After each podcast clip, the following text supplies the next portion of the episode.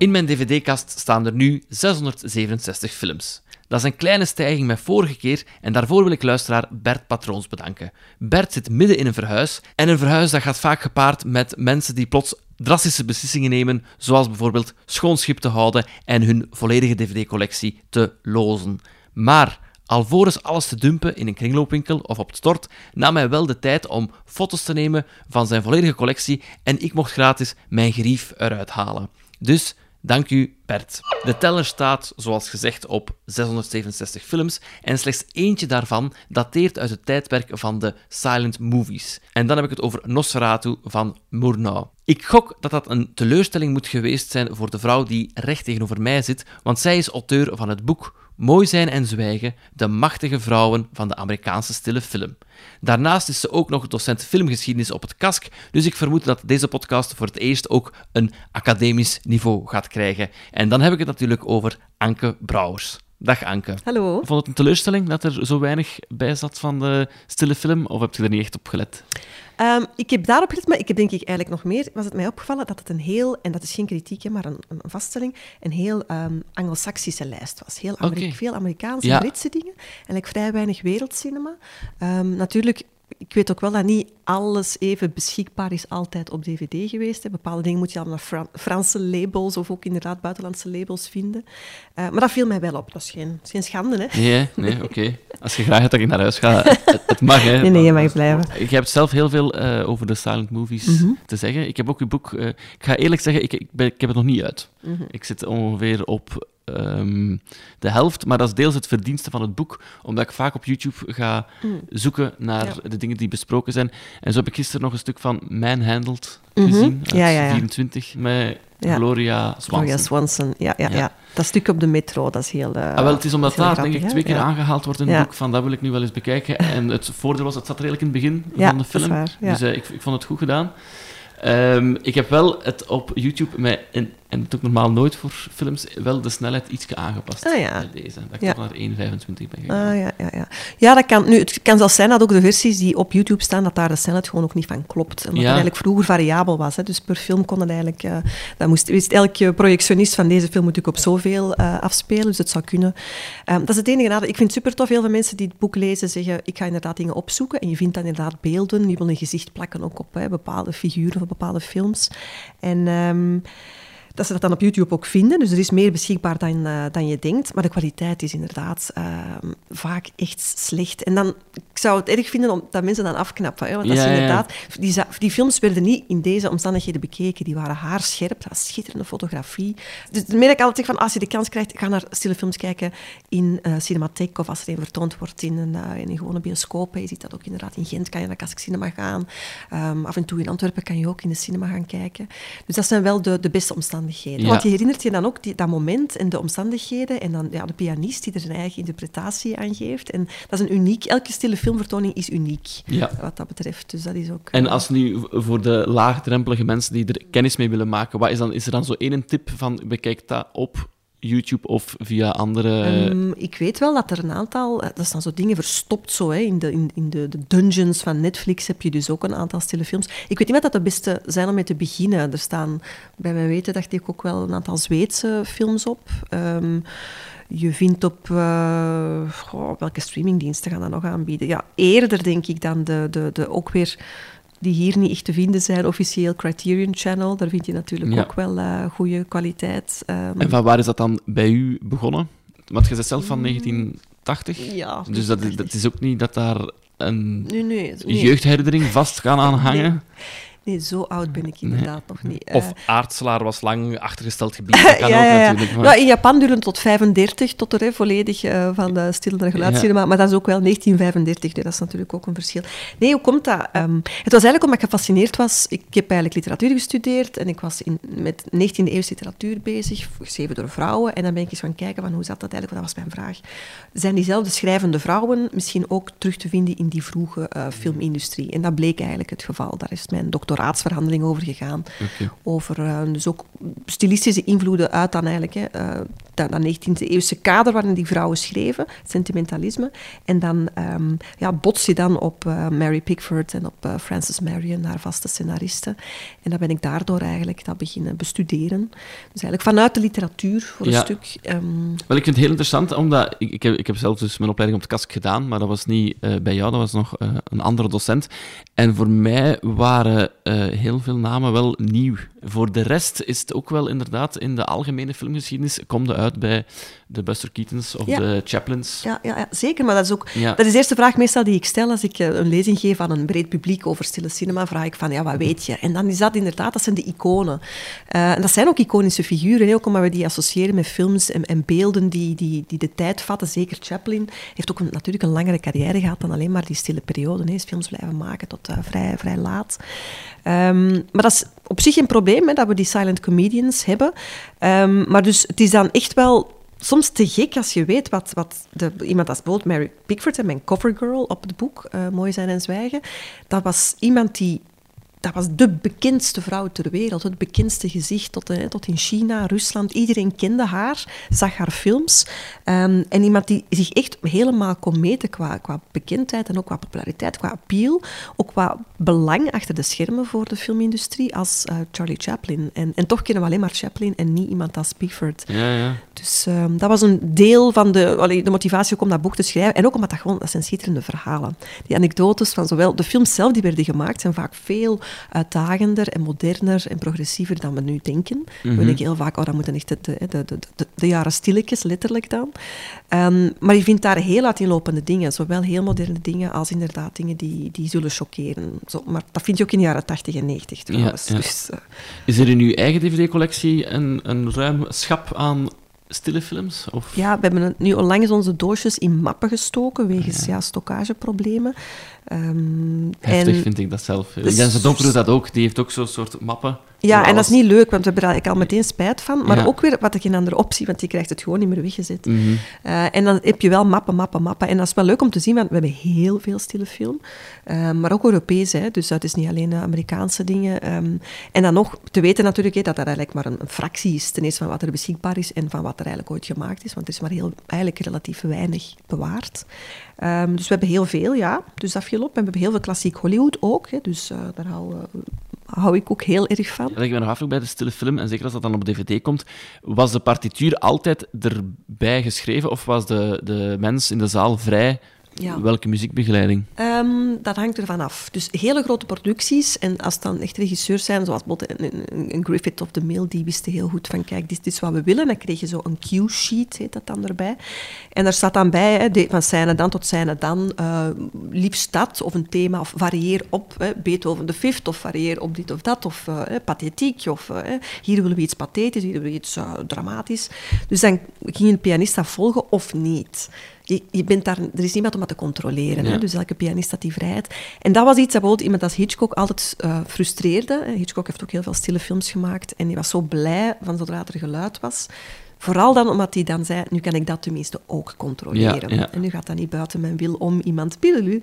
Want ja, nu ook, hè, um, soms ga je naar een stille filmvertoning en dan kijk je en dan hoor je de pianist improviseren en dan denk je van, nee, nee, nee, ik, ik, voel iets helemaal anders, je moet het anders zijn. Dus je kan het wel oneens zijn met die interpretatie. Dus, um... Misschien dat vandaar de uitdrukking komt, schiet niet op de pianist. Misschien is dat zijn oorsprong daar. Ja, ja. Ja, dus ik had u uh, vooraf gevraagd om drie titels uit mijn lijst te kiezen. Was het een moeilijke keuze? Of... Nee, want ik had eigenlijk nog veel andere dingen ook willen, willen zien. Uh, maar dan... Oei. Als je moet open doen, doe maar. Hè. Dat is doen, ja. Geen probleem. Hoe, uh, wacht, we waren even onderbroken, want de, de, de tuin... Ah, ja, is de tuinman of is het, een, is de schoonvader of de vader? Het is eigenlijk zo, het is een vriend van in de straat. Ah, ja, oké. Ja, ja, dus er wordt nu ook die, die kan niet stilzitten. Ah ja, ja, dat is handig, hè. Dat is fijn, hè. En meestal willen die ook zo echt zo geen bedanking. Zo, Als je ze pralines geeft, zeg ze, oh, dat moet niet. En ja, meestal inderdaad, we wisselen zo wat dingen uit. Ja, zo. ja oké. Als een eieren te veel heeft van de kippen, krijgen wij dan de eieren en dan doe ik er iets mee en dan krijgt hem dat terug. ah, kijk, mooi. mooi. Dus terwijl het de els wordt geplant, gaan we eens overlopen wat dat jij hebt gekozen uit mijn lijst. Waar ik nog trouwens wil over zeggen, je was de eerste die een fout in mijn lijst heeft ontdekt. Dus Ah, ja. dat eh, Nebraska, daar stond de verkeerde regisseur Ja, bij. ja, dat is nu toevallig dat misschien dat mijn oog erop viel. Hè. Ah, Dus nee, dat nee, is maar ik was blij, want de lijst is ondertussen door, door menig luisteraars en veel mensen geraadpleegd. Dus, dus ik dacht van, Oké. dat is iemand die echt de lijst eh, bekijkt en niet gewoon op bladzijde 1 kiest. Ah Eh, ja, nee, nee, nee, nee, natuurlijk niet. eh, we zullen misschien even al aanstippen Ja. welke films dat je hebt gekozen. Ehm, Yes. Je mocht zelf de drie titels Ja. zeggen. Oké, dus ik, ik heb geprobeerd een beetje een, een breed spectrum, dus eh, iets recents. Eh, vind- ah, ja, The Hurt Locker van Catherine Bigelow. Dan eh, The Good, The Bad and The Ugly, Sergio Leone, 67, als ik me niet vergis. En dan ehm The Philadelphia Story van Ja. George Cukor. Ik moet 1940. bekennen, er zat één film tussen dat ik nog nooit had gezien. Ik denk The Philadelphia Story. Nee, Nee, nee, oké. nee, nee, nee, die had ik al eh, Ah. gezien. The Good, The Bad and The Ugly dan? Die had ik nog nooit gezien. Ah, allee, dat is oh, plezant, superleuk. Eh, wel, eh, zullen we daarmee beginnen dan? Ja, ja, ja. Oké, dat is goed. The good. The bad. The ugly. The Civil War.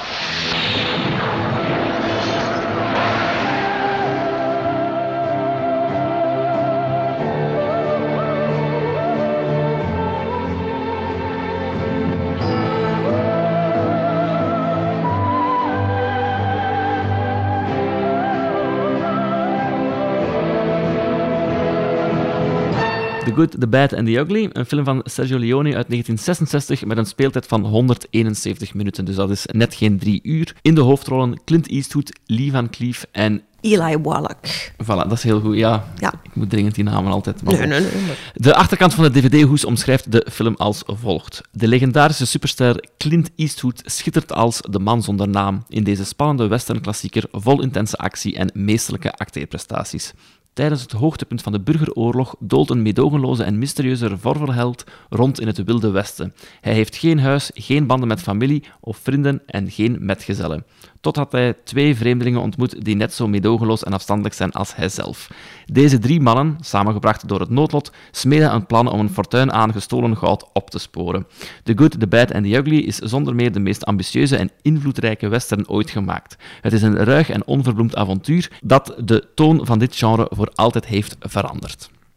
We kunnen al zeggen dat de man die, ze, die de tekst heeft moeten schrijven Dat- ook niet de film lang niet gezien heeft of, of niet gezien heeft. Hè. Nee, die gebaseerd is op een aantal foutjes, inderdaad. Ja, Ja, dat vind ik ook altijd fascinerend, hoe vaak dat, dat is. Ja, soms is dat denk ik wel... ja, ik weet het niet. Dat, dat zegt ik ook iets over... Ze pleuren dat. Een tijdje geleden hebben ze dat op, op hè, dvd's gepleurd of op de video's gepleurd, zonder dat daar eigenlijk nog... eh, dat moet gewoon opbrengen nog. Hè. Dat, dat maakt eigenlijk Ja. niet zoveel uit eh, of dat, dat allemaal klopt. Want er klopt inderdaad veel niet hè, aan die, om die omschrijving. Buiten dan hè, wie dat de acteurs zijn, denk dat we het daarover eens kunnen zijn. Ja, dat, dat, dat wel voilà. klopt. Nee, dus om, Ja. om in te pikken op dat net, ik, ik had hem nog nooit gezien. Mm. Ik weet ook niet, ik denk dat de runtime ten Ja. eerste mij altijd een beetje gaat afgeschrikt hebben. Hij zit in mijn kast omdat ik ooit de, een, de Sergio Leone-box box, had gevonden. ja. Ik denk dat dat zo 12 euro was in de Ja. Ja, Ik denk door de... Shop. Oh. Ja, ja, ja, ja, daar is heel veel zakgeld naartoe gegaan. Ja. Oh, ja, dat is ook iets... Dat is ook zoiets eh, om nostalgisch over te zijn. Ja, ja. Eh, Jij ook nog vaak in de Flikkershop Ja, ja, tuurlijk, tuurlijk, zeker. Ja. Er was een periode dat in de graaibakken er heel Ja. veel klassiekers lagen. Je Ja, zo en Pulp. Fiction en Reservoir Dogs, vijf voor 10 euro. En The Cider House Rules was ook zo een Oh, die er altijd in lag. Ja. Maar, dus los van de runtime, was het denk ik ook dat ik een beetje een verkeerd idee had over de term spaghetti-western. Ah ja. Ik dacht dat dat eerder een beetje de lading dekte van een soort van eh jommekesbenadering Ah. van Oh, de western. Ja. Ja, spaghetti western is gewoon dat door een Italiaan gemaakt wordt. eh, en eigenlijk een, eigenlijk een ode is aan. En natuurlijk ook een herdenken, een vernieuwen van het genre.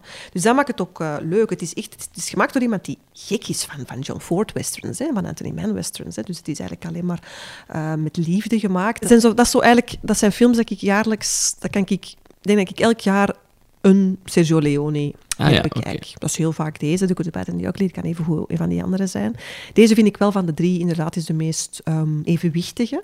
is ook de meest ontroerende, denk ik. Eh, en ook natuurlijk, ik, ik, ik, hou heel erg van, van ik hou wel van, van Eastwood. Nog zo'n figuur waar eh, veel mensen van zullen zeggen van, oh, is dat nu wel zo'n, uh, ook omwille van de politics misschien, maar ik vind dat een fantastische filmster. Ja. ik vond dat hij vrij hard leek op David Beckham. Ik was zo ah, trots met die vergelijking, maar het internet staat vol met ah, vergelijkingen, dus ik was niet de eerste. Nee, dat, is, dat is echt zo mooi, zijn knapste jaren. Hè. Eli Wallach, die Tuco speelt, dat is natuurlijk als je er nu over nadenkt, dat is ook een, een totaal stereotyperende, op het beledigende af. Hè, want hij speelt dan de Mexicaan. Maar het is ook wel, het is meer dan dat. Hè, dus hij speelt dan Um, omdat dat ook wel, dat is, dat is gewoon, dat is een sluwe vos, dat is een lepe mhm.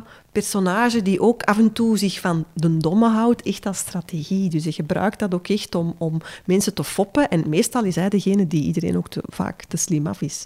Ja, en ik moet zeggen, ik supporter er wel voor hem ook. Ja, ook omdat, is het, ik geloof toch wel dat die scène erin zit met zijn broer dan. In ja. die, ik vind dat eigenlijk ook heel... Ik vond in de dat abdij heel, dan, hè? Of in de abdij. Ja. Ik vond dat heel ontroerend, omdat hij daarna ook zo zich stoer wilt houden. Want hij ziet dan zijn broer terug naar, en dat is duidelijk dat er een, een breuk is in de familie. En dan probeert hem zich stoer te houden tegen dan Blondie. Zegt hem van, nou ja, nee, oh, en mijn broer vond het zo erg dat ik wegging. En dan is hij gesmeekt om te blijven, terwijl dat natuurlijk het tegenovergestelde was. En daar toont hem zich ineens zo heel, ja, een beetje gevoelig en kwetsbaar. En dat is dan ook, uh, dat is eigenlijk de personage nog met het meeste diepgang. Uh, waar dat je het meeste eigenlijk zo over te weten komt en, en waar dat er zo'n mens achter, achter schuilt. Dus uh, ja, ik vond dat heel... En dat is gewoon heel grappig. En die gaat er volledig voor. Hè. Volledig. Het is, allee, het is hamming erop, maar, maar dat maakt het ook zo, zo prettig om dat te kijken. En dan de schitterende one-liner. Als hij zit in bad en er komt iemand binnen om hem, te, om hem neer te schieten. En begint zo'n hele speech van, oh, ik heb u gevonden en bla, bla, bla, bla, bla. En ondertussen schiet hem die neer van uh, onder het, het, schuim in bad. En dan zegt hij, if you want to shoot, shoot. Hè. Ja. don't talk. ja, nee, het is, um, ik, ik, was echt geschrokken van, van, van de bruutheid, want ik denk dat in de eerste scène ook een kind gewoon uh, ja. neergeknald wordt. Mm -hmm. En dan dacht ik van, ah ja, oké, ik wist niet dat die conventie mocht, in, in de, of dat dat ja. In die tijd mocht al. Ehm, nee, nee, maar dat, dat, als je echt wilt zeggen, ze zijn eigenlijk alle drie slecht. Hè? Want de film heet The Good, The Bad and The Ugly. Dus wie is er het allerslechtste? Ja, als je een kind gaat neerschieten, dan is het wel duidelijk dat dit de echte bad guy is.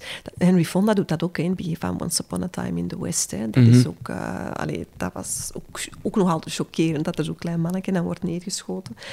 Um, maar ja, voilà, daarmee maakte dat wel duidelijk, hè, wie dat er uiteindelijk dan toch nog minder slecht is dan de anderen. En, want uh, Lee Van Cleef is duidelijk Angel Eyes, hè, met die blauwe ogen en die kleine, uh, die halve maandjes zo. En het begint ook al goed, vind ik, met de opening credits, die ook creatief zijn. Allee, dus, dus daar mm -hmm.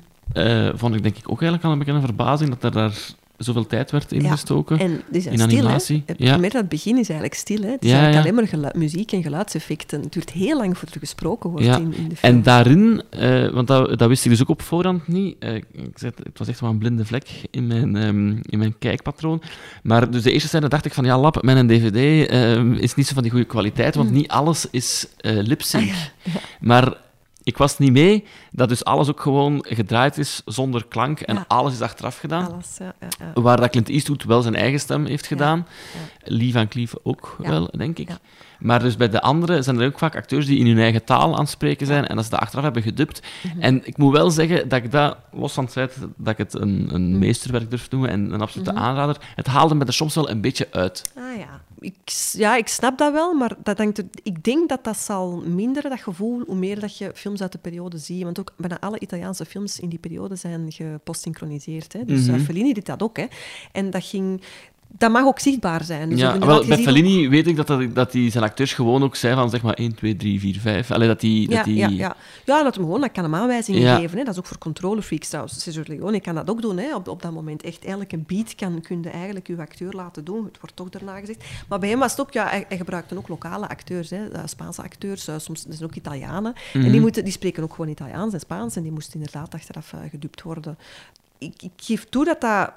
Uiteraard zie je dat, maar, maar dat, dat haalt mij er niet meer zo... Dat is zo'n conventie die, die bij die films hoort, dat dat zo mij niet, niet meer kan, kan storen. Ja, ah, wel, het was een conventie die ik niet kende, dus, dus daarin stoort het mij wel een beetje. Ik vind het dan wel interessant, wetende dat de klankspoor uh, volledig van nul begint, is van mm. op wat dat ze dan inzetten om wel af en toe de fles wel te laten ontkurken en niet. Dus dat vind ik dan wel interessant. En uh, ik vind het heel goed, het heeft bijna iets intiem.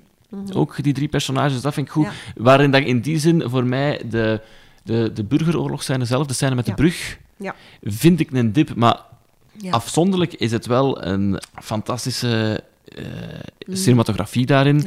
Qua art en set pieces heel goed gedaan. Die figuranten en zo. Het, het is, op zich is die scène heel goed geregisseerd.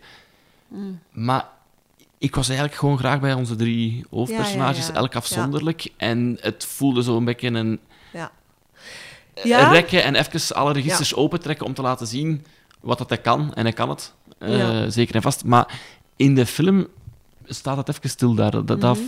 Had ik niet nodig. Nee. nee, het is waar, maar ik vind het wel mooi, omdat het dan inderdaad een Civil War picture wordt eigenlijk op dat moment. Hè. En, en de meeste westerns beginnen na hè, de, de Civil War, 1865, en, en gaan dan tot aan ongeveer het sluiten van de frontier, hè, begin van de, van de 20e eeuw. Ehm, maar dat is, zo, ik, dat is zo ontwrichtend geweest. Je ziet ook zo al die slag, dat is eigenlijk zoals de Eerste Wereldoorlog, is dat eigenlijk het Mhm. conflict hè, voor, de, voor de Amerikanen. En, en ik, ik, ik vind dat toch ook, dat raakte mij toch wel zo, het tonen van al dat totaal zinloos sterven. Dat is echt, ja, ook, ook nu misschien weer, omdat we weer toch geconfronteerd zijn met oorlog, niet zo ver hier vandaan, vond ik dat weer een, een, een, een, mo- een mooie ik vond dat wel een, een meerwaarde. Het duurt inderdaad wel wat lang, daar, daar ben ik het wel mee eens. Het ritme zit daar een beetje anders. Maar wat je er juist ook nog zei, dat wou ik ook nog even op, op inpikken, van hoe bruut... Het bruut is het in, in alles. Hè. Ik vind dat een, een, een hele... De film toont de lelijkheid ook hè, Mhm. van, van de mensen. En, en, en niet alleen het zweet, maar inderdaad die gezichten. Hij kaast echt op, ook op verweerd, geleefd, doorleefd, kapot geleefde mensen. Eh, de vuiligheid dat daar ligt. Hè, het snot dat je bijna hè, het overal ziet. Ik vind dat... ehm, dat wereldbeeld is wel heel... ehm, ja, opnieuw hard. Hè? Dus het, Ja. is, het is zo... Het is, het is, dat je dan zegt, ja, de Westen kan zo vaak gaan romantiseren, hoe dat dan de natie langzaam maar zeker is eh, ontstaan. Ehm, dit is totaal niet romantiserend. Nee, nee, nee. Het is, het is een rauwheid die Ja. ik niet had verwacht. En dat ik, dat ik eh, ja, heel straf... Allee, ik denk dat, dat, dat, dat hij daarom ook nog terecht overeind blijft. Ja, ja.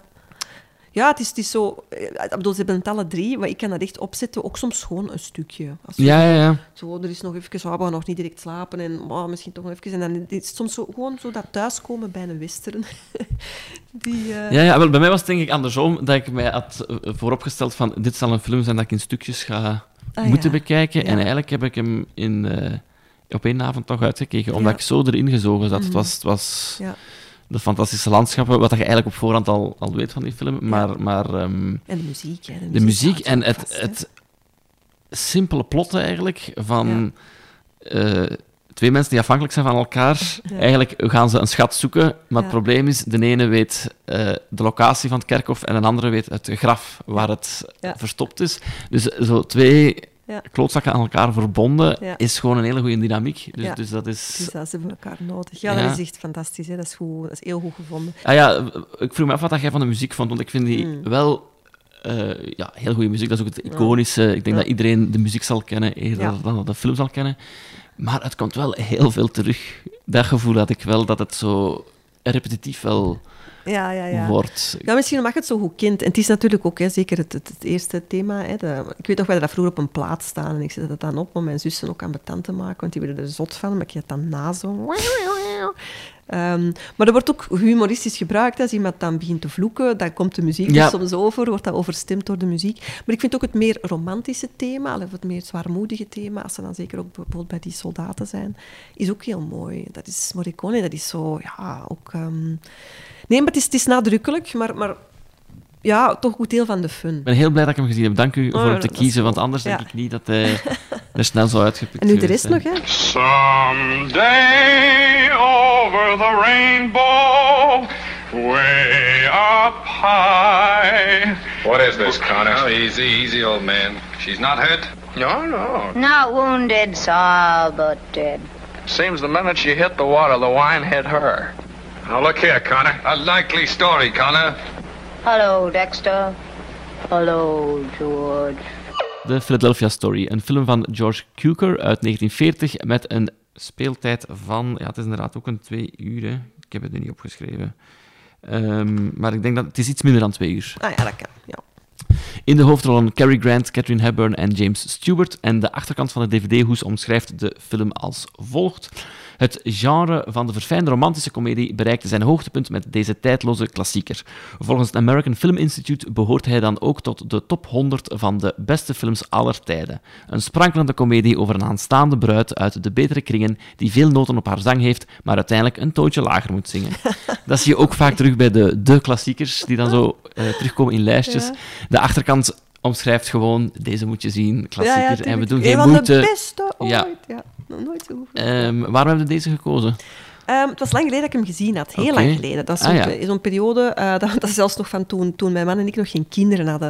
En dan hebben wij zo eh, eh, genoten wij van bij al die, die comedies of remarriage of, of screwball comedies. Hè, ehm, hebben die allemaal bekeken. Dus dat was zo even terug... Toen hadden we er tijd voor. Hè. Dan, dan dronken wij ook dry martinis en dan keken we naar de screwball comedy. Dat was zo onze, onze modus. Eh, en dan kwamen de kinderen, heb je geen tijd om die dingen te doen. Hè. En, eh, dus Ken ik, ik dacht, zit nu in eh, die ja. levensfase. Dus Dus ik dacht, ik kan nog eens terugzien. En ik ben ook gewoon, ik ben een enorme eh bewonderaar, zelfs ook van, van, onder, van Catherine Hepburn, maar absoluut gek ook op Cary Grant. Ah ja, oké. Ik ik vind dat geniaal, ik vind dat echt komisch genie. En James Stewart, daar, die ken ik ook, daar hou ik ook wel van. Misschien ehm, denk ik dat zijn... Ik vind vooral Cary Grant, ik weet niet of jij dat ook vindt, maar ik vind eigenlijk dat hij zijn manier van spelen, vind dat nog altijd modern. Ja, ja, ja. Er zit zelfs een soort van... Ja, ik, ik volg u. Ja, er zit een soort ook van hè, zelfbewustzijn en ironie in Ja. zijn spel, die, die nog altijd, denk ik, aanspreekt Ja, nu. wel, ik- wat ik daarnet wil zeggen, de zin dat ik niet heb afgemaakt, is ik, ik heb het gevoel dat hij soms de vierde wand een beetje doorbreekt. Of, Ja, allee, dus, ja, ja, eh, maar ja, ja. het is niet letterlijk, maar inderdaad, hij speelt daarin Met, een- wel... met een knipoog. Ja. speelt met een knipoog. Natuurlijk, het is een komedie, dus dat mag. En zeker in screwball comedy kunnen dat Mhm. soort eh, zelfreflexieve dingen of zo er wel, wel in stoppen. Ah, het is ook de man, de, de man van de double take. Hè. Dus eh, Ja. d- daar hou ik heel erg van, dat is komisch principe. Hè, dat een personage iets ziet en dan eerst niet reageert, maar een tweede keer pas hè, de- de- schrikt van wat dat er aan de hand is. Ehm, Bij mij was het ook tien jaar geleden trouwens, ah, want ja. ik weet, en deze in welke film... context heb jij hem gezien? Hè? En wel, dit komt uit een tijd dat zo de, de Proxy-de-lijst in Ledenberg ook nog dvd's had, maar dat verkoopt voor geen meter. Dus op een bepaald moment kunnen daar voor 4 euro Ah, de hele stok kopen dat nooit verkocht geraakt is. En dan zitten daar van die vreemde titels in, zoals Roman Holiday, Philadelphia Story. Ah, ja, ja. En ik denk dat het was omdat daar zo een mythe rondhing, Ja. dat ik hem toen had bekeken. Ik was qua plot alles al vergeten. Ja. En het, dat deed ook nog van een tijd dat ik ook nog postitjes hing in, Ah, ja. mijn dvd's. En toen had ik geschreven, goede dialogen, Ja. neemt mij niet volledig mee, maar wel de moeite om een keer gekeken te hebben. En ik heb hem nu opnieuw bekeken, maar ik, ehm, die eerste scène, wat ook een silent scène is, oh. waar dat Cary Grant eigenlijk gewoon Hepburn op de grond duwt. Mhm. Ja. Ja, voor mij zegt dat dan zoveel Ja. eh, qua personage en qua verhouding of zoiets, dat ik dus het, Maar het einde... wel eerst zijn golfclubs, hè? Ja, ja, ja, ja maar, maar dan... In mijn hoofd is Cary Grant toch een beetje zo een agressieve zot, waarvan het Ah, goed is dat je weggaat. Ja. En dan vind ik dan Ja. het einde, als ze dan uiteindelijk, spoiler, toch voor hem kiest, vind ik zo Ja. Makkelijk. Ik vraag me dan af van, eh, wat, wat wil deze film nu eigenlijk vertellen? Want ik, ik Mm. geloof wel niet wat de personages Ja, ja, ja. per se aan het doen zijn. Nee. Maar ik denk wel dat het gegeven van remarriage, dus eigenlijk opnieuw trouwen, dat het is zoiets dat heel vaak terugkomt ehm, als thema in die films, dat is ook iets dat eigenlijk veilig is. Hè? Dus eigenlijk het, het, het ideaal van, van hoe ze zijn uit elkaar gegaan, maar ze vinden elkaar terug, bevestigt eigenlijk dat het huwelijk dat dat klopt als instituut. Ja. Hè? Dat die eerste keuze eigenlijk wel juist was. De meeste van die films moeten eh, vertellen zo ergens het verhaal van, ze zijn getrouwd, ze zijn vergeten hoe het was om plezier te maken met elkaar, om te spelen. Ze hebben alle twee hè, een andere richting uitgegaan. En dan, hè, net voor ze dan echt gescheiden zijn, beseffen ze van, oh nee, we moeten gewoon terug elkaar Ja. vinden zoals we ooit waren, als kinderen en samen spelen. En ehm, ja, je kunt daar tegen zijn. Nu, ik, ik, ik, het is natuurlijk, beide zouden interessante huwelijkspartners kunnen zijn. Hè, eh, voor, Maar misschien is het dat ik door heel de film door de sparkle tussen Grant en Catherine Hepburn te Ja. weinig Ja. voel. Ik, ik voel de tweestrijd eigenlijk niet, omdat... Ja. Nu, misschien is het ook ehm, voor als er luisteraars zijn, die, hè, want het gaat er eigenlijk om. Zij is getrouwd geweest met Cary Grant inderdaad Ja. vroeger. Met, ehm, zijn naam is C.K. Dexter Haven. Schitterende naam, zij Tracy Lord. Ze zijn uit elkaar gegaan. Dat is, ook allemaal, dat is, het is eigenlijk wel een beetje het, het is raar hè, op heel Ja. veel vlakken. Er zijn heel veel dingen dat je denkt van, wat is dat eigenlijk hier aan de hand? Want het wordt heel tijd ge- verwezen naar het feit dat dus Cary Grant een, een drankprobleem had. Ehm, Waar dat hij eigenlijk de schuld bij haar weggelegd. ja, ja, en zij is dan iemand die perfectie Ja. verlangde van, van hem. En dat, dat heeft hem misschien ook kapot gemaakt. Het feit hè, Mhm. dat zij, zij ze wordt altijd ook als een, als een, als een, godin en als een, als een standbeeld, een soort van ideale vrouw. Eh, maar, maar ook zonder, ideaal, ja, maar, maar zonder ehm, medeleven of zonder ver- vergevingsgezindheid of zonder eigenlijk een oog voor menselijke fragiliteit. Hè. Dat wordt allemaal, denk ik, bijna letterlijk ook gezegd. Dat ze dat ontbeert, hè, dat heeft ze niet. Eh, en dat moet ze leren, want het is wel, zij is het hoofdpersonage en zij moet eigenlijk iets leren, moet leren om inzien dat mensen met fouten, dat dat misschien ook iets is om van te houden. En dat ze zelf ook eigen fouten mag toegeven en hebben, min of meer. Ehm, maar het gaat over zoveel andere dingen ook. Dus je hebt dan dat drankje, het is eigenlijk ook het is eigenlijk ideaal om te zien. hè, Post-tournee mineraal. Dacht van, Het is ook een, een feest voor... Hè, drink maar eens af en toe je goed Ja. en laat u maar eens gaan. Ja, het is eigenlijk ja. een pleidooi ook, ook daarvoor. Want als ze dus een glas champagne op heeft, dan eindelijk is ze niet meer zo uptight. Maar het is ook wel... Het is echt... Ik denk, je kunt de film, de humor... En ik, ook dat je zegt, ik ben verrast dat ze voor Cary Grant kiest, is omdat we niet meer weten wat dat die... Die sterren, dat waren echt gigantische sterren. Iedereen wist wat die hun publieke persona, hoe dat die, ja, wat dan, hoe dat, hoe dat die waren, kent ook hun, hun andere films. Want Hepburn speelt eigenlijk een soort van parodie op zichzelf, hè, of op Ja. alleszins op het publieke beeld van zichzelf. Wel, ik, dat had ik eh, gelezen, dat ze er eigenlijk... Ze was een beetje uit gratie gevallen voor deze film. Ja, ja. Omdat ze de, de reputatie had van een moeilijke vrouw. Ja, onder andere, maar het is ook, die, die kwam ook uit, het is een fantastisch interessant levensverhaal, hè. die kwam ook uit inderdaad uit een New England eh, gezin. Vader was een arts, een dokter, moeder ook nog een suffragette geweest, dus nog gaan, eh, een vrouw, voor vrouwenrechten gaan, gaan, gaan piketten echt. Eh, en een heel intellectueel gezin. Een gezin echt zoals misschien ook een rijk gezin, zoals in de Philadelphia Story. Dus zij is zelf eigenlijk ook een socialite, heeft ook dat accent, is echt een yank. Yankee, intellectual, eh, progressief. Dat is echt ook wel een, als een rode lap. Eh, of voor, voor de stier is dat een rode lap. Hè. Voor heel Ja. veel Amerikanen is dat gewoon een ergerlijke, liberale Ja, ja, ja. vrouw. eh, die het beter weet dan ons allemaal. Ehm, en dan, ja, Cary Grant, ze hadden al heel veel, ze hadden al veel romantische comedies samen gemaakt. Dus wat dat, wat dat betreft verwachten ook wel van, ja, tuurlijk horen die samen. Die hebben wel screen chemistry in het verleden gehad in Holiday dan bijvoorbeeld, hè, maar ook eh, in Bringing Up Baby. En ze had inderdaad, als, ehm, om haar carrière een beetje te saboteren, had een, een, een, had een, de groep bioscoopuitbaters haar box office poison genoemd. Dus als je een film hebt met Catherine Hepburn, is het gegarandeerd een flop. En dat was ook zo, want ze is echt voor deze film, het is een verfilming van een theaterstuk, dat ze is gaan spelen, omdat ze terug op Broadway ging werken. Ze dacht, ik moet weg uit Hollywood, want het gaat hier niet lukken. Eh, dat stuk is speciaal voor haar geschreven ook, door Philip Barry. Ja. Ehm, en dan heeft ehm, Howard Hughes, want daar had ze nog een affaire mee gehad, de bekende producent, door Leo DiCaprio gespeeld in, eh in The Aviator, Aviator. ja. Ehm, heeft daar gezegd van, weet je wat, als dat, koop die rechten. En ze zei, ja, ik kan dat niet betalen. Hij heeft dat voor haar gedaan. Hij heeft dat dus voor haar gekocht en aan haar geschonken. En zij heeft dus met die filmrechten, is zij dan de film daarna, het bleek een heel groot succes te zijn op Broadway, en heeft ze die film kunnen gaan, eh, Ja.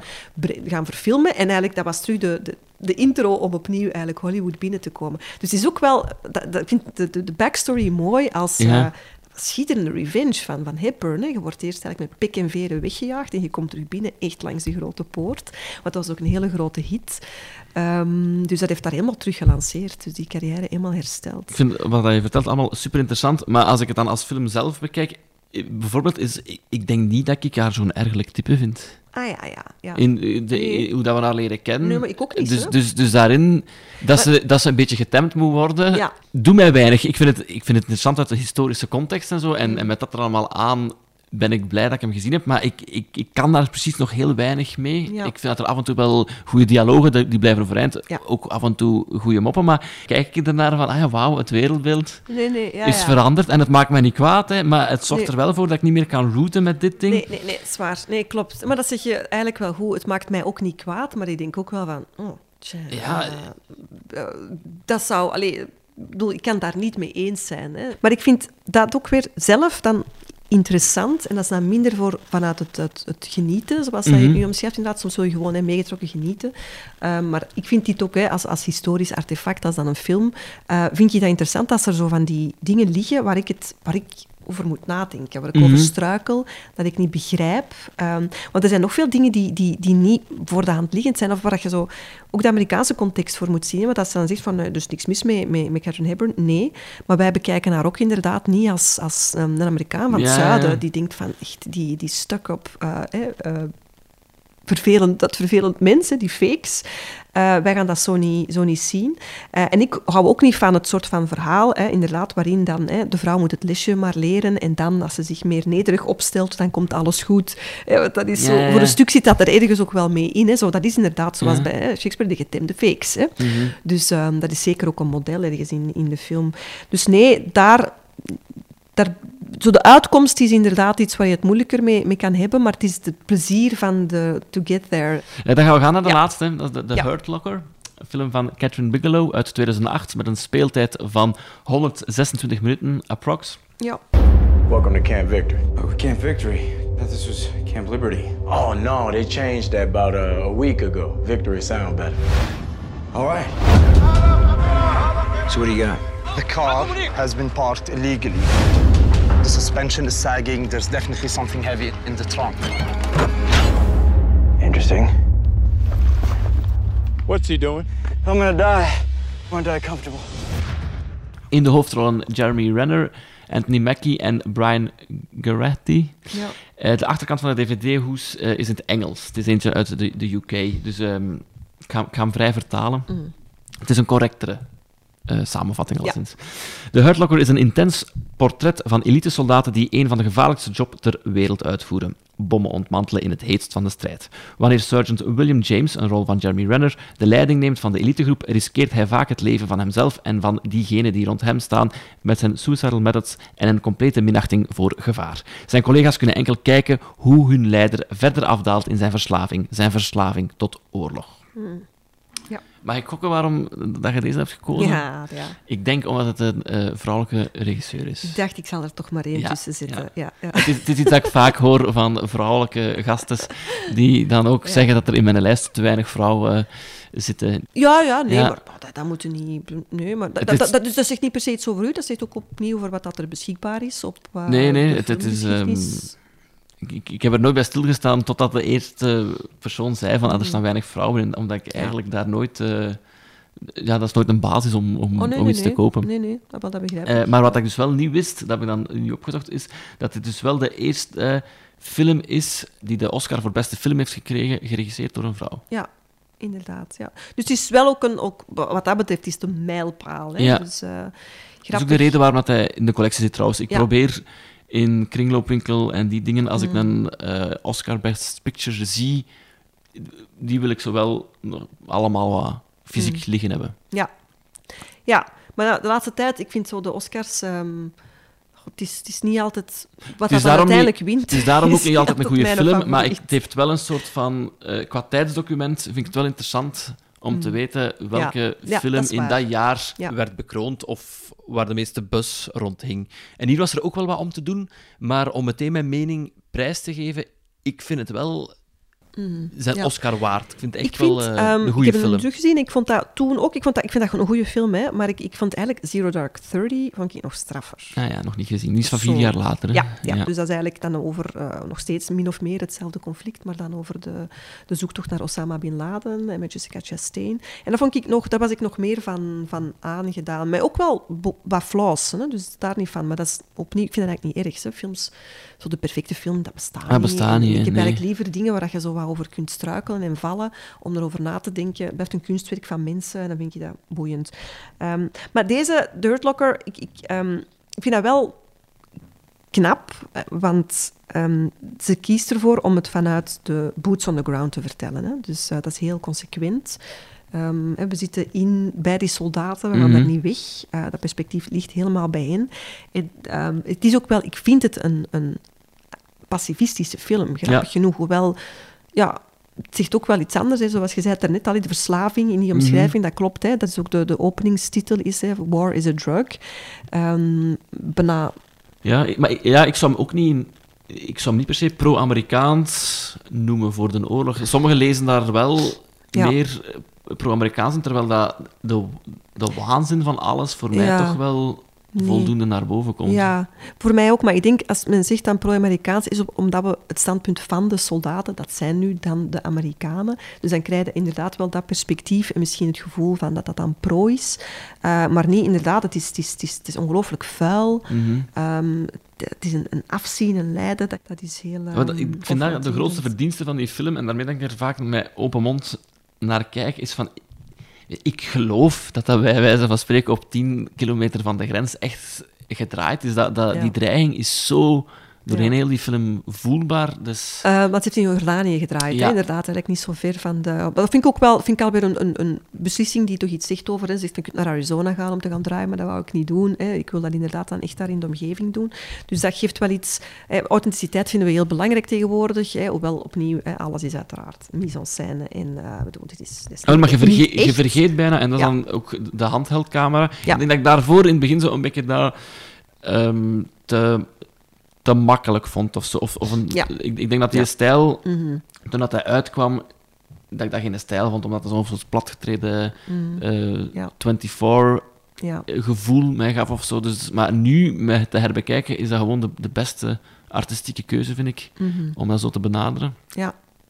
Ja, nee, het is iets dat mij... Ik, ik hou niet zo van handheld. Nee, ik ook niet. Uh, maar ik- het is inderdaad wel hier... Het is, niet, het is ook consequent gedaan. Het, Mhm. klopt echt wel. uh, um, en het heeft, ook een hele goede, een hele goede geluidsband. Hè, waarin ze, tegelijkertijd vind ik het een, gemakkelijke geluidsband. Hè, want met dat geluid vertelt ze heel veel. Want je krijgt niet vaak een heel groot overzicht. Maar Nee. je krijgt gewoon via... Hè, je hoort dan inderdaad al de, hè, de, de, de muezzin. Er wordt al... Hè, uh, dan weten we, ah, we zitten in de Arabische wereld. Um, maar je, je, hoort, je hoort ook wel details van die, van die plek. Je voelt de droogte en de... Ja, dat is echt van, dat is een, een en al vuil en er is niks hè, eigenlijk in die. Mhm. En je voelt dat aan het grind, de, en als dan de machines erover rijden, je voelt dat hoe dat de mensen ook. En je voelt bijna die een droge mond, Ja. bij wijze van spreken. En dat vond ik denk ik het frisse aan, aan deze film, dat de meeste oorlogsfilms hebben een soort journey van we moeten Ja. dat doen en heeft een duidelijke boog. En eigenlijk zit dat hier niet in. Het is een soort van dagboek Ja. van, van een eindeloze strijd. Misschien is Ja. dat ook omdat we weten dat het altijd een eindeloze strijd is geweest. Dat je, je, je Ja. hebt geen heroïsch einde of zo. Nee, het is gewoon eh dweilen met de kraan open. Het is geschreven door iemand die dan eigenlijk als reporter, Mark Bowl, ter Ja. plaatse was in 2004, denk ik, in Irak. Dus iemand die wel ook weet waarover dat hem Mhm. schrijft. Dus ik heb er wel terug, terug van genoten. Vooral omdat ik, dat zijn sequenties. Zoals je zegt, het is zo echt een braad dagboekdingen. En zo voelt het inderdaad ook aan. Want ik vind dat begin ook wel heel straf. Hè. Dus het begint ook in medias res. Hè. Zo, het begint met een missie. En het is dan eh, met, met Guy Pearce, is op dat Mhm. moment de teamleader. Ehm, en dat is wel, hoewel dat je natuurlijk ook mijlenver voelt aankomen wat er gaat gebeuren, is dat wel, dat zit fantastisch goed in elkaar. En, Mhm. en je voelt ook, de verwarring wordt ook heel goed weergegeven. En ik vind het ook goed, er is niet geprobeerd om de soldaten zo van, oh, we proberen... eh. Die zijn ook soms gewoon, eh, die zijn kortaf, die zijn gemeen Ja. bij momenten. wat- omdat die, ja, die staan op zo'n on edge, dus je begrijpt dat wel waarom die zo zijn. Maar die worden ook niet als het dan toch nog een beetje tof voorgesteld. Nee, die worden ook echt gewoon ook als niet tof voorgesteld. Eh, ook weer door de omstandigheden. Want waren er nog puntjes van kritiek ook? Want ik, ik had het gevoel dat je dat net zei, van ik heb hem opnieuw bekeken en er waren wel... Zijn Ah, ja. er dingen dat u meer Ehm, tegengaan? Of... Ik was, mee, ik, was er niet, ik, ik, ik was er niet zo kapot van. Maar dat is natuurlijk geen... Ik vind dat eigenlijk flauw als kritiek, want ik vind dat niet... oh, Ja, Uiteindelijk, we kijken, iedereen kijkt, denkt van op welk moment kijkt. Mhm. En we kijken allemaal met onze eigen bagage en onze eigen kennis en voorkennis en zo. Dus dan denk ik van, dat is het flauwste, je moet dat meer beargumenteren. Ehm, ik denk dat ik misschien... ehm wat je net nu zei, van, het klopt wel, dat werkt, de, de, de, de handheld camera en zo, het immersieve. Maar dat vind ik nog altijd, nog steeds, ik vind dat nog... Ik vind dat, ja, ik, ik, is het, ik weet het niet, te gemakkelijk, te... Of ik, de code is te één op één. Hè. Ja, als iemand hè, oh, in de war is, dan gaat inderdaad hè, snelle montage en we, we weten niet meer waar dat we staan. We gaan desoriënterend monteren. Ehm, maar dat vind ik een beetje saai. Ik vind dat, ik vind dat Ja, één ja, ja. op één. Ik vind dat te gemakkelijk. Ik denk dat ik dat saai of, of eh, op kan afhaken als het dan ook niet goed gedaan is. Ja. Maar het is niet dat ik hier tot het punt kom dat ik denk van, ah ja, ik doorzie de truc. Nee, ik ben, Mhm. ik ben wel mee Ja. Erin Ja, ja. getrokken. Ja. Ja, want ik las nu heel toevallig dan in de krant, Arno Groenberg haalde er een scène in een, in een tekst in de standaard schreef die iets over, er zijn schitterende scène in de Hurt Locker. Als hij in de supermarkt staat en dan krijg je, dat zo een, een, een clean space, het contrast met dan, hè, wat je ervoor hebt gezien in Irak kan niet groter zijn. Allemaal pizza, diepvriesdozen. En ik kan ook geen keuze maken. Ook omdat dat natuurlijk ook de, de waanzin van de overdaad. En, en je kunt zo... Hè, de, de absolute vrede, los dan van het eigen wapengeweld in Amerika. Hè, maar hè, dat is een land waar al... Dat is, dat is, Pearl Harbor was de laatste keer dat er eigenlijk een, een, een, incident was, een militair incident was op eigen bodem. Um, en dat hem dan inderdaad, lag daarna neemt de beslissing om terug te gaan. Een soort van breakdown, hè, paniek, panic attack, en dan gaat hij terug. Um, maar dat vond ik de eerste keer ook dat ik hem zag, dacht ik van, dat vind ik te gemakkelijk. Mm -hmm. Ik vond dat te, te, te, te, te dus ja. ze dan. Uh, te, ja, te, te helder. Ik maar daarin had... volg ik u wel dat ik ook het gevoel heb dat wat er op het laatste kwartier, tien minuten gebeurt, ja. voelt zo'n soort van af, afhaspeling en opnieuw twist op de, ja. of, of niet voldoende uitgewerkt of zo. Het, is, het voelt er een beetje aangeplakt. Ja, misschien dus dat, dat volg ik wel. is het inderdaad dat. Ik vind het sterker, het is dat is dat ik denk dat ik de film sterker vind ook gewoon heel, heel begin. En dan moeten we zo toch precies zo nog een, een, een ja, moet een break maken met dat stuk om dan er terug naartoe te keren voor dan eigenlijk, ja, dat is natuurlijk ook chockerend zo, dat je beseft van oei, mm -hmm. dat personage heeft inderdaad, hè, vindt vind daar gek genoeg een, een uh, ja, vindt geen rust, hè, dus kan ook wil, kan, kan geen rust vinden, ja. dus blijft dan eigenlijk permanent in die Um, maar het is, dat is inderdaad misschien iets minder ja, uitgewerkt ja, ja, ja. of um, minder overtuigend. Maar ik ben blij dat ik hem nog eens uh, opnieuw heb, uh, heb gezien. Dus uh, het was heel fijn voor uw keuze en uw selectie. Ja, ja ik heb, vond, het ook, vond het ook leuk. Maar er waren, nog, ja, er waren inderdaad nog wel dingen die ik... nog, nog, behalve hey, die... Friends of Eddie Quayle waren nog wel een paar. Ik denk Rebel Without a Cause heb ik ook ah, nog ja, ja, onthouden. Ja, ja.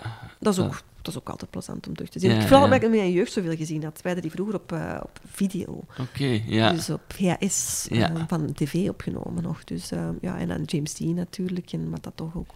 Want wat zijn zo de, de filmfragmenten dat in u, in u gedosseerd, van ook filmgeschiedenis, wat zijn zo de, de filmfragmenten die dat je altijd naar uitkijkt om te ah, droppen ja. naar een jeugd? Maar het is moeilijk, omdat... Maar, favoriet, ja, maar ik merk, ik, ik, merk ook wel dat, dat ze zich daar anders toe verhouden tot een heleboel filmfragmenten. En uh, dat, wat dat vroeger zo altijd een succes was, is nu dat soms minder. Dus ik merk dat dat jaar per jaar, ah, ja. om, de, om de zoveel jaar, verandert dat zo. Waar dat zij het meest naar uitkijken, waar ze, naar, waar ze vragen over stellen, waar dat ze grappig vinden, of juist niet grappig vinden. Ik maak altijd zo de, de, de mop, ik toon ook zo, als het dan over New Hollywood gaat, een fragment uit, uh, uit Blazing Saddles van Mel Brooks. Ja.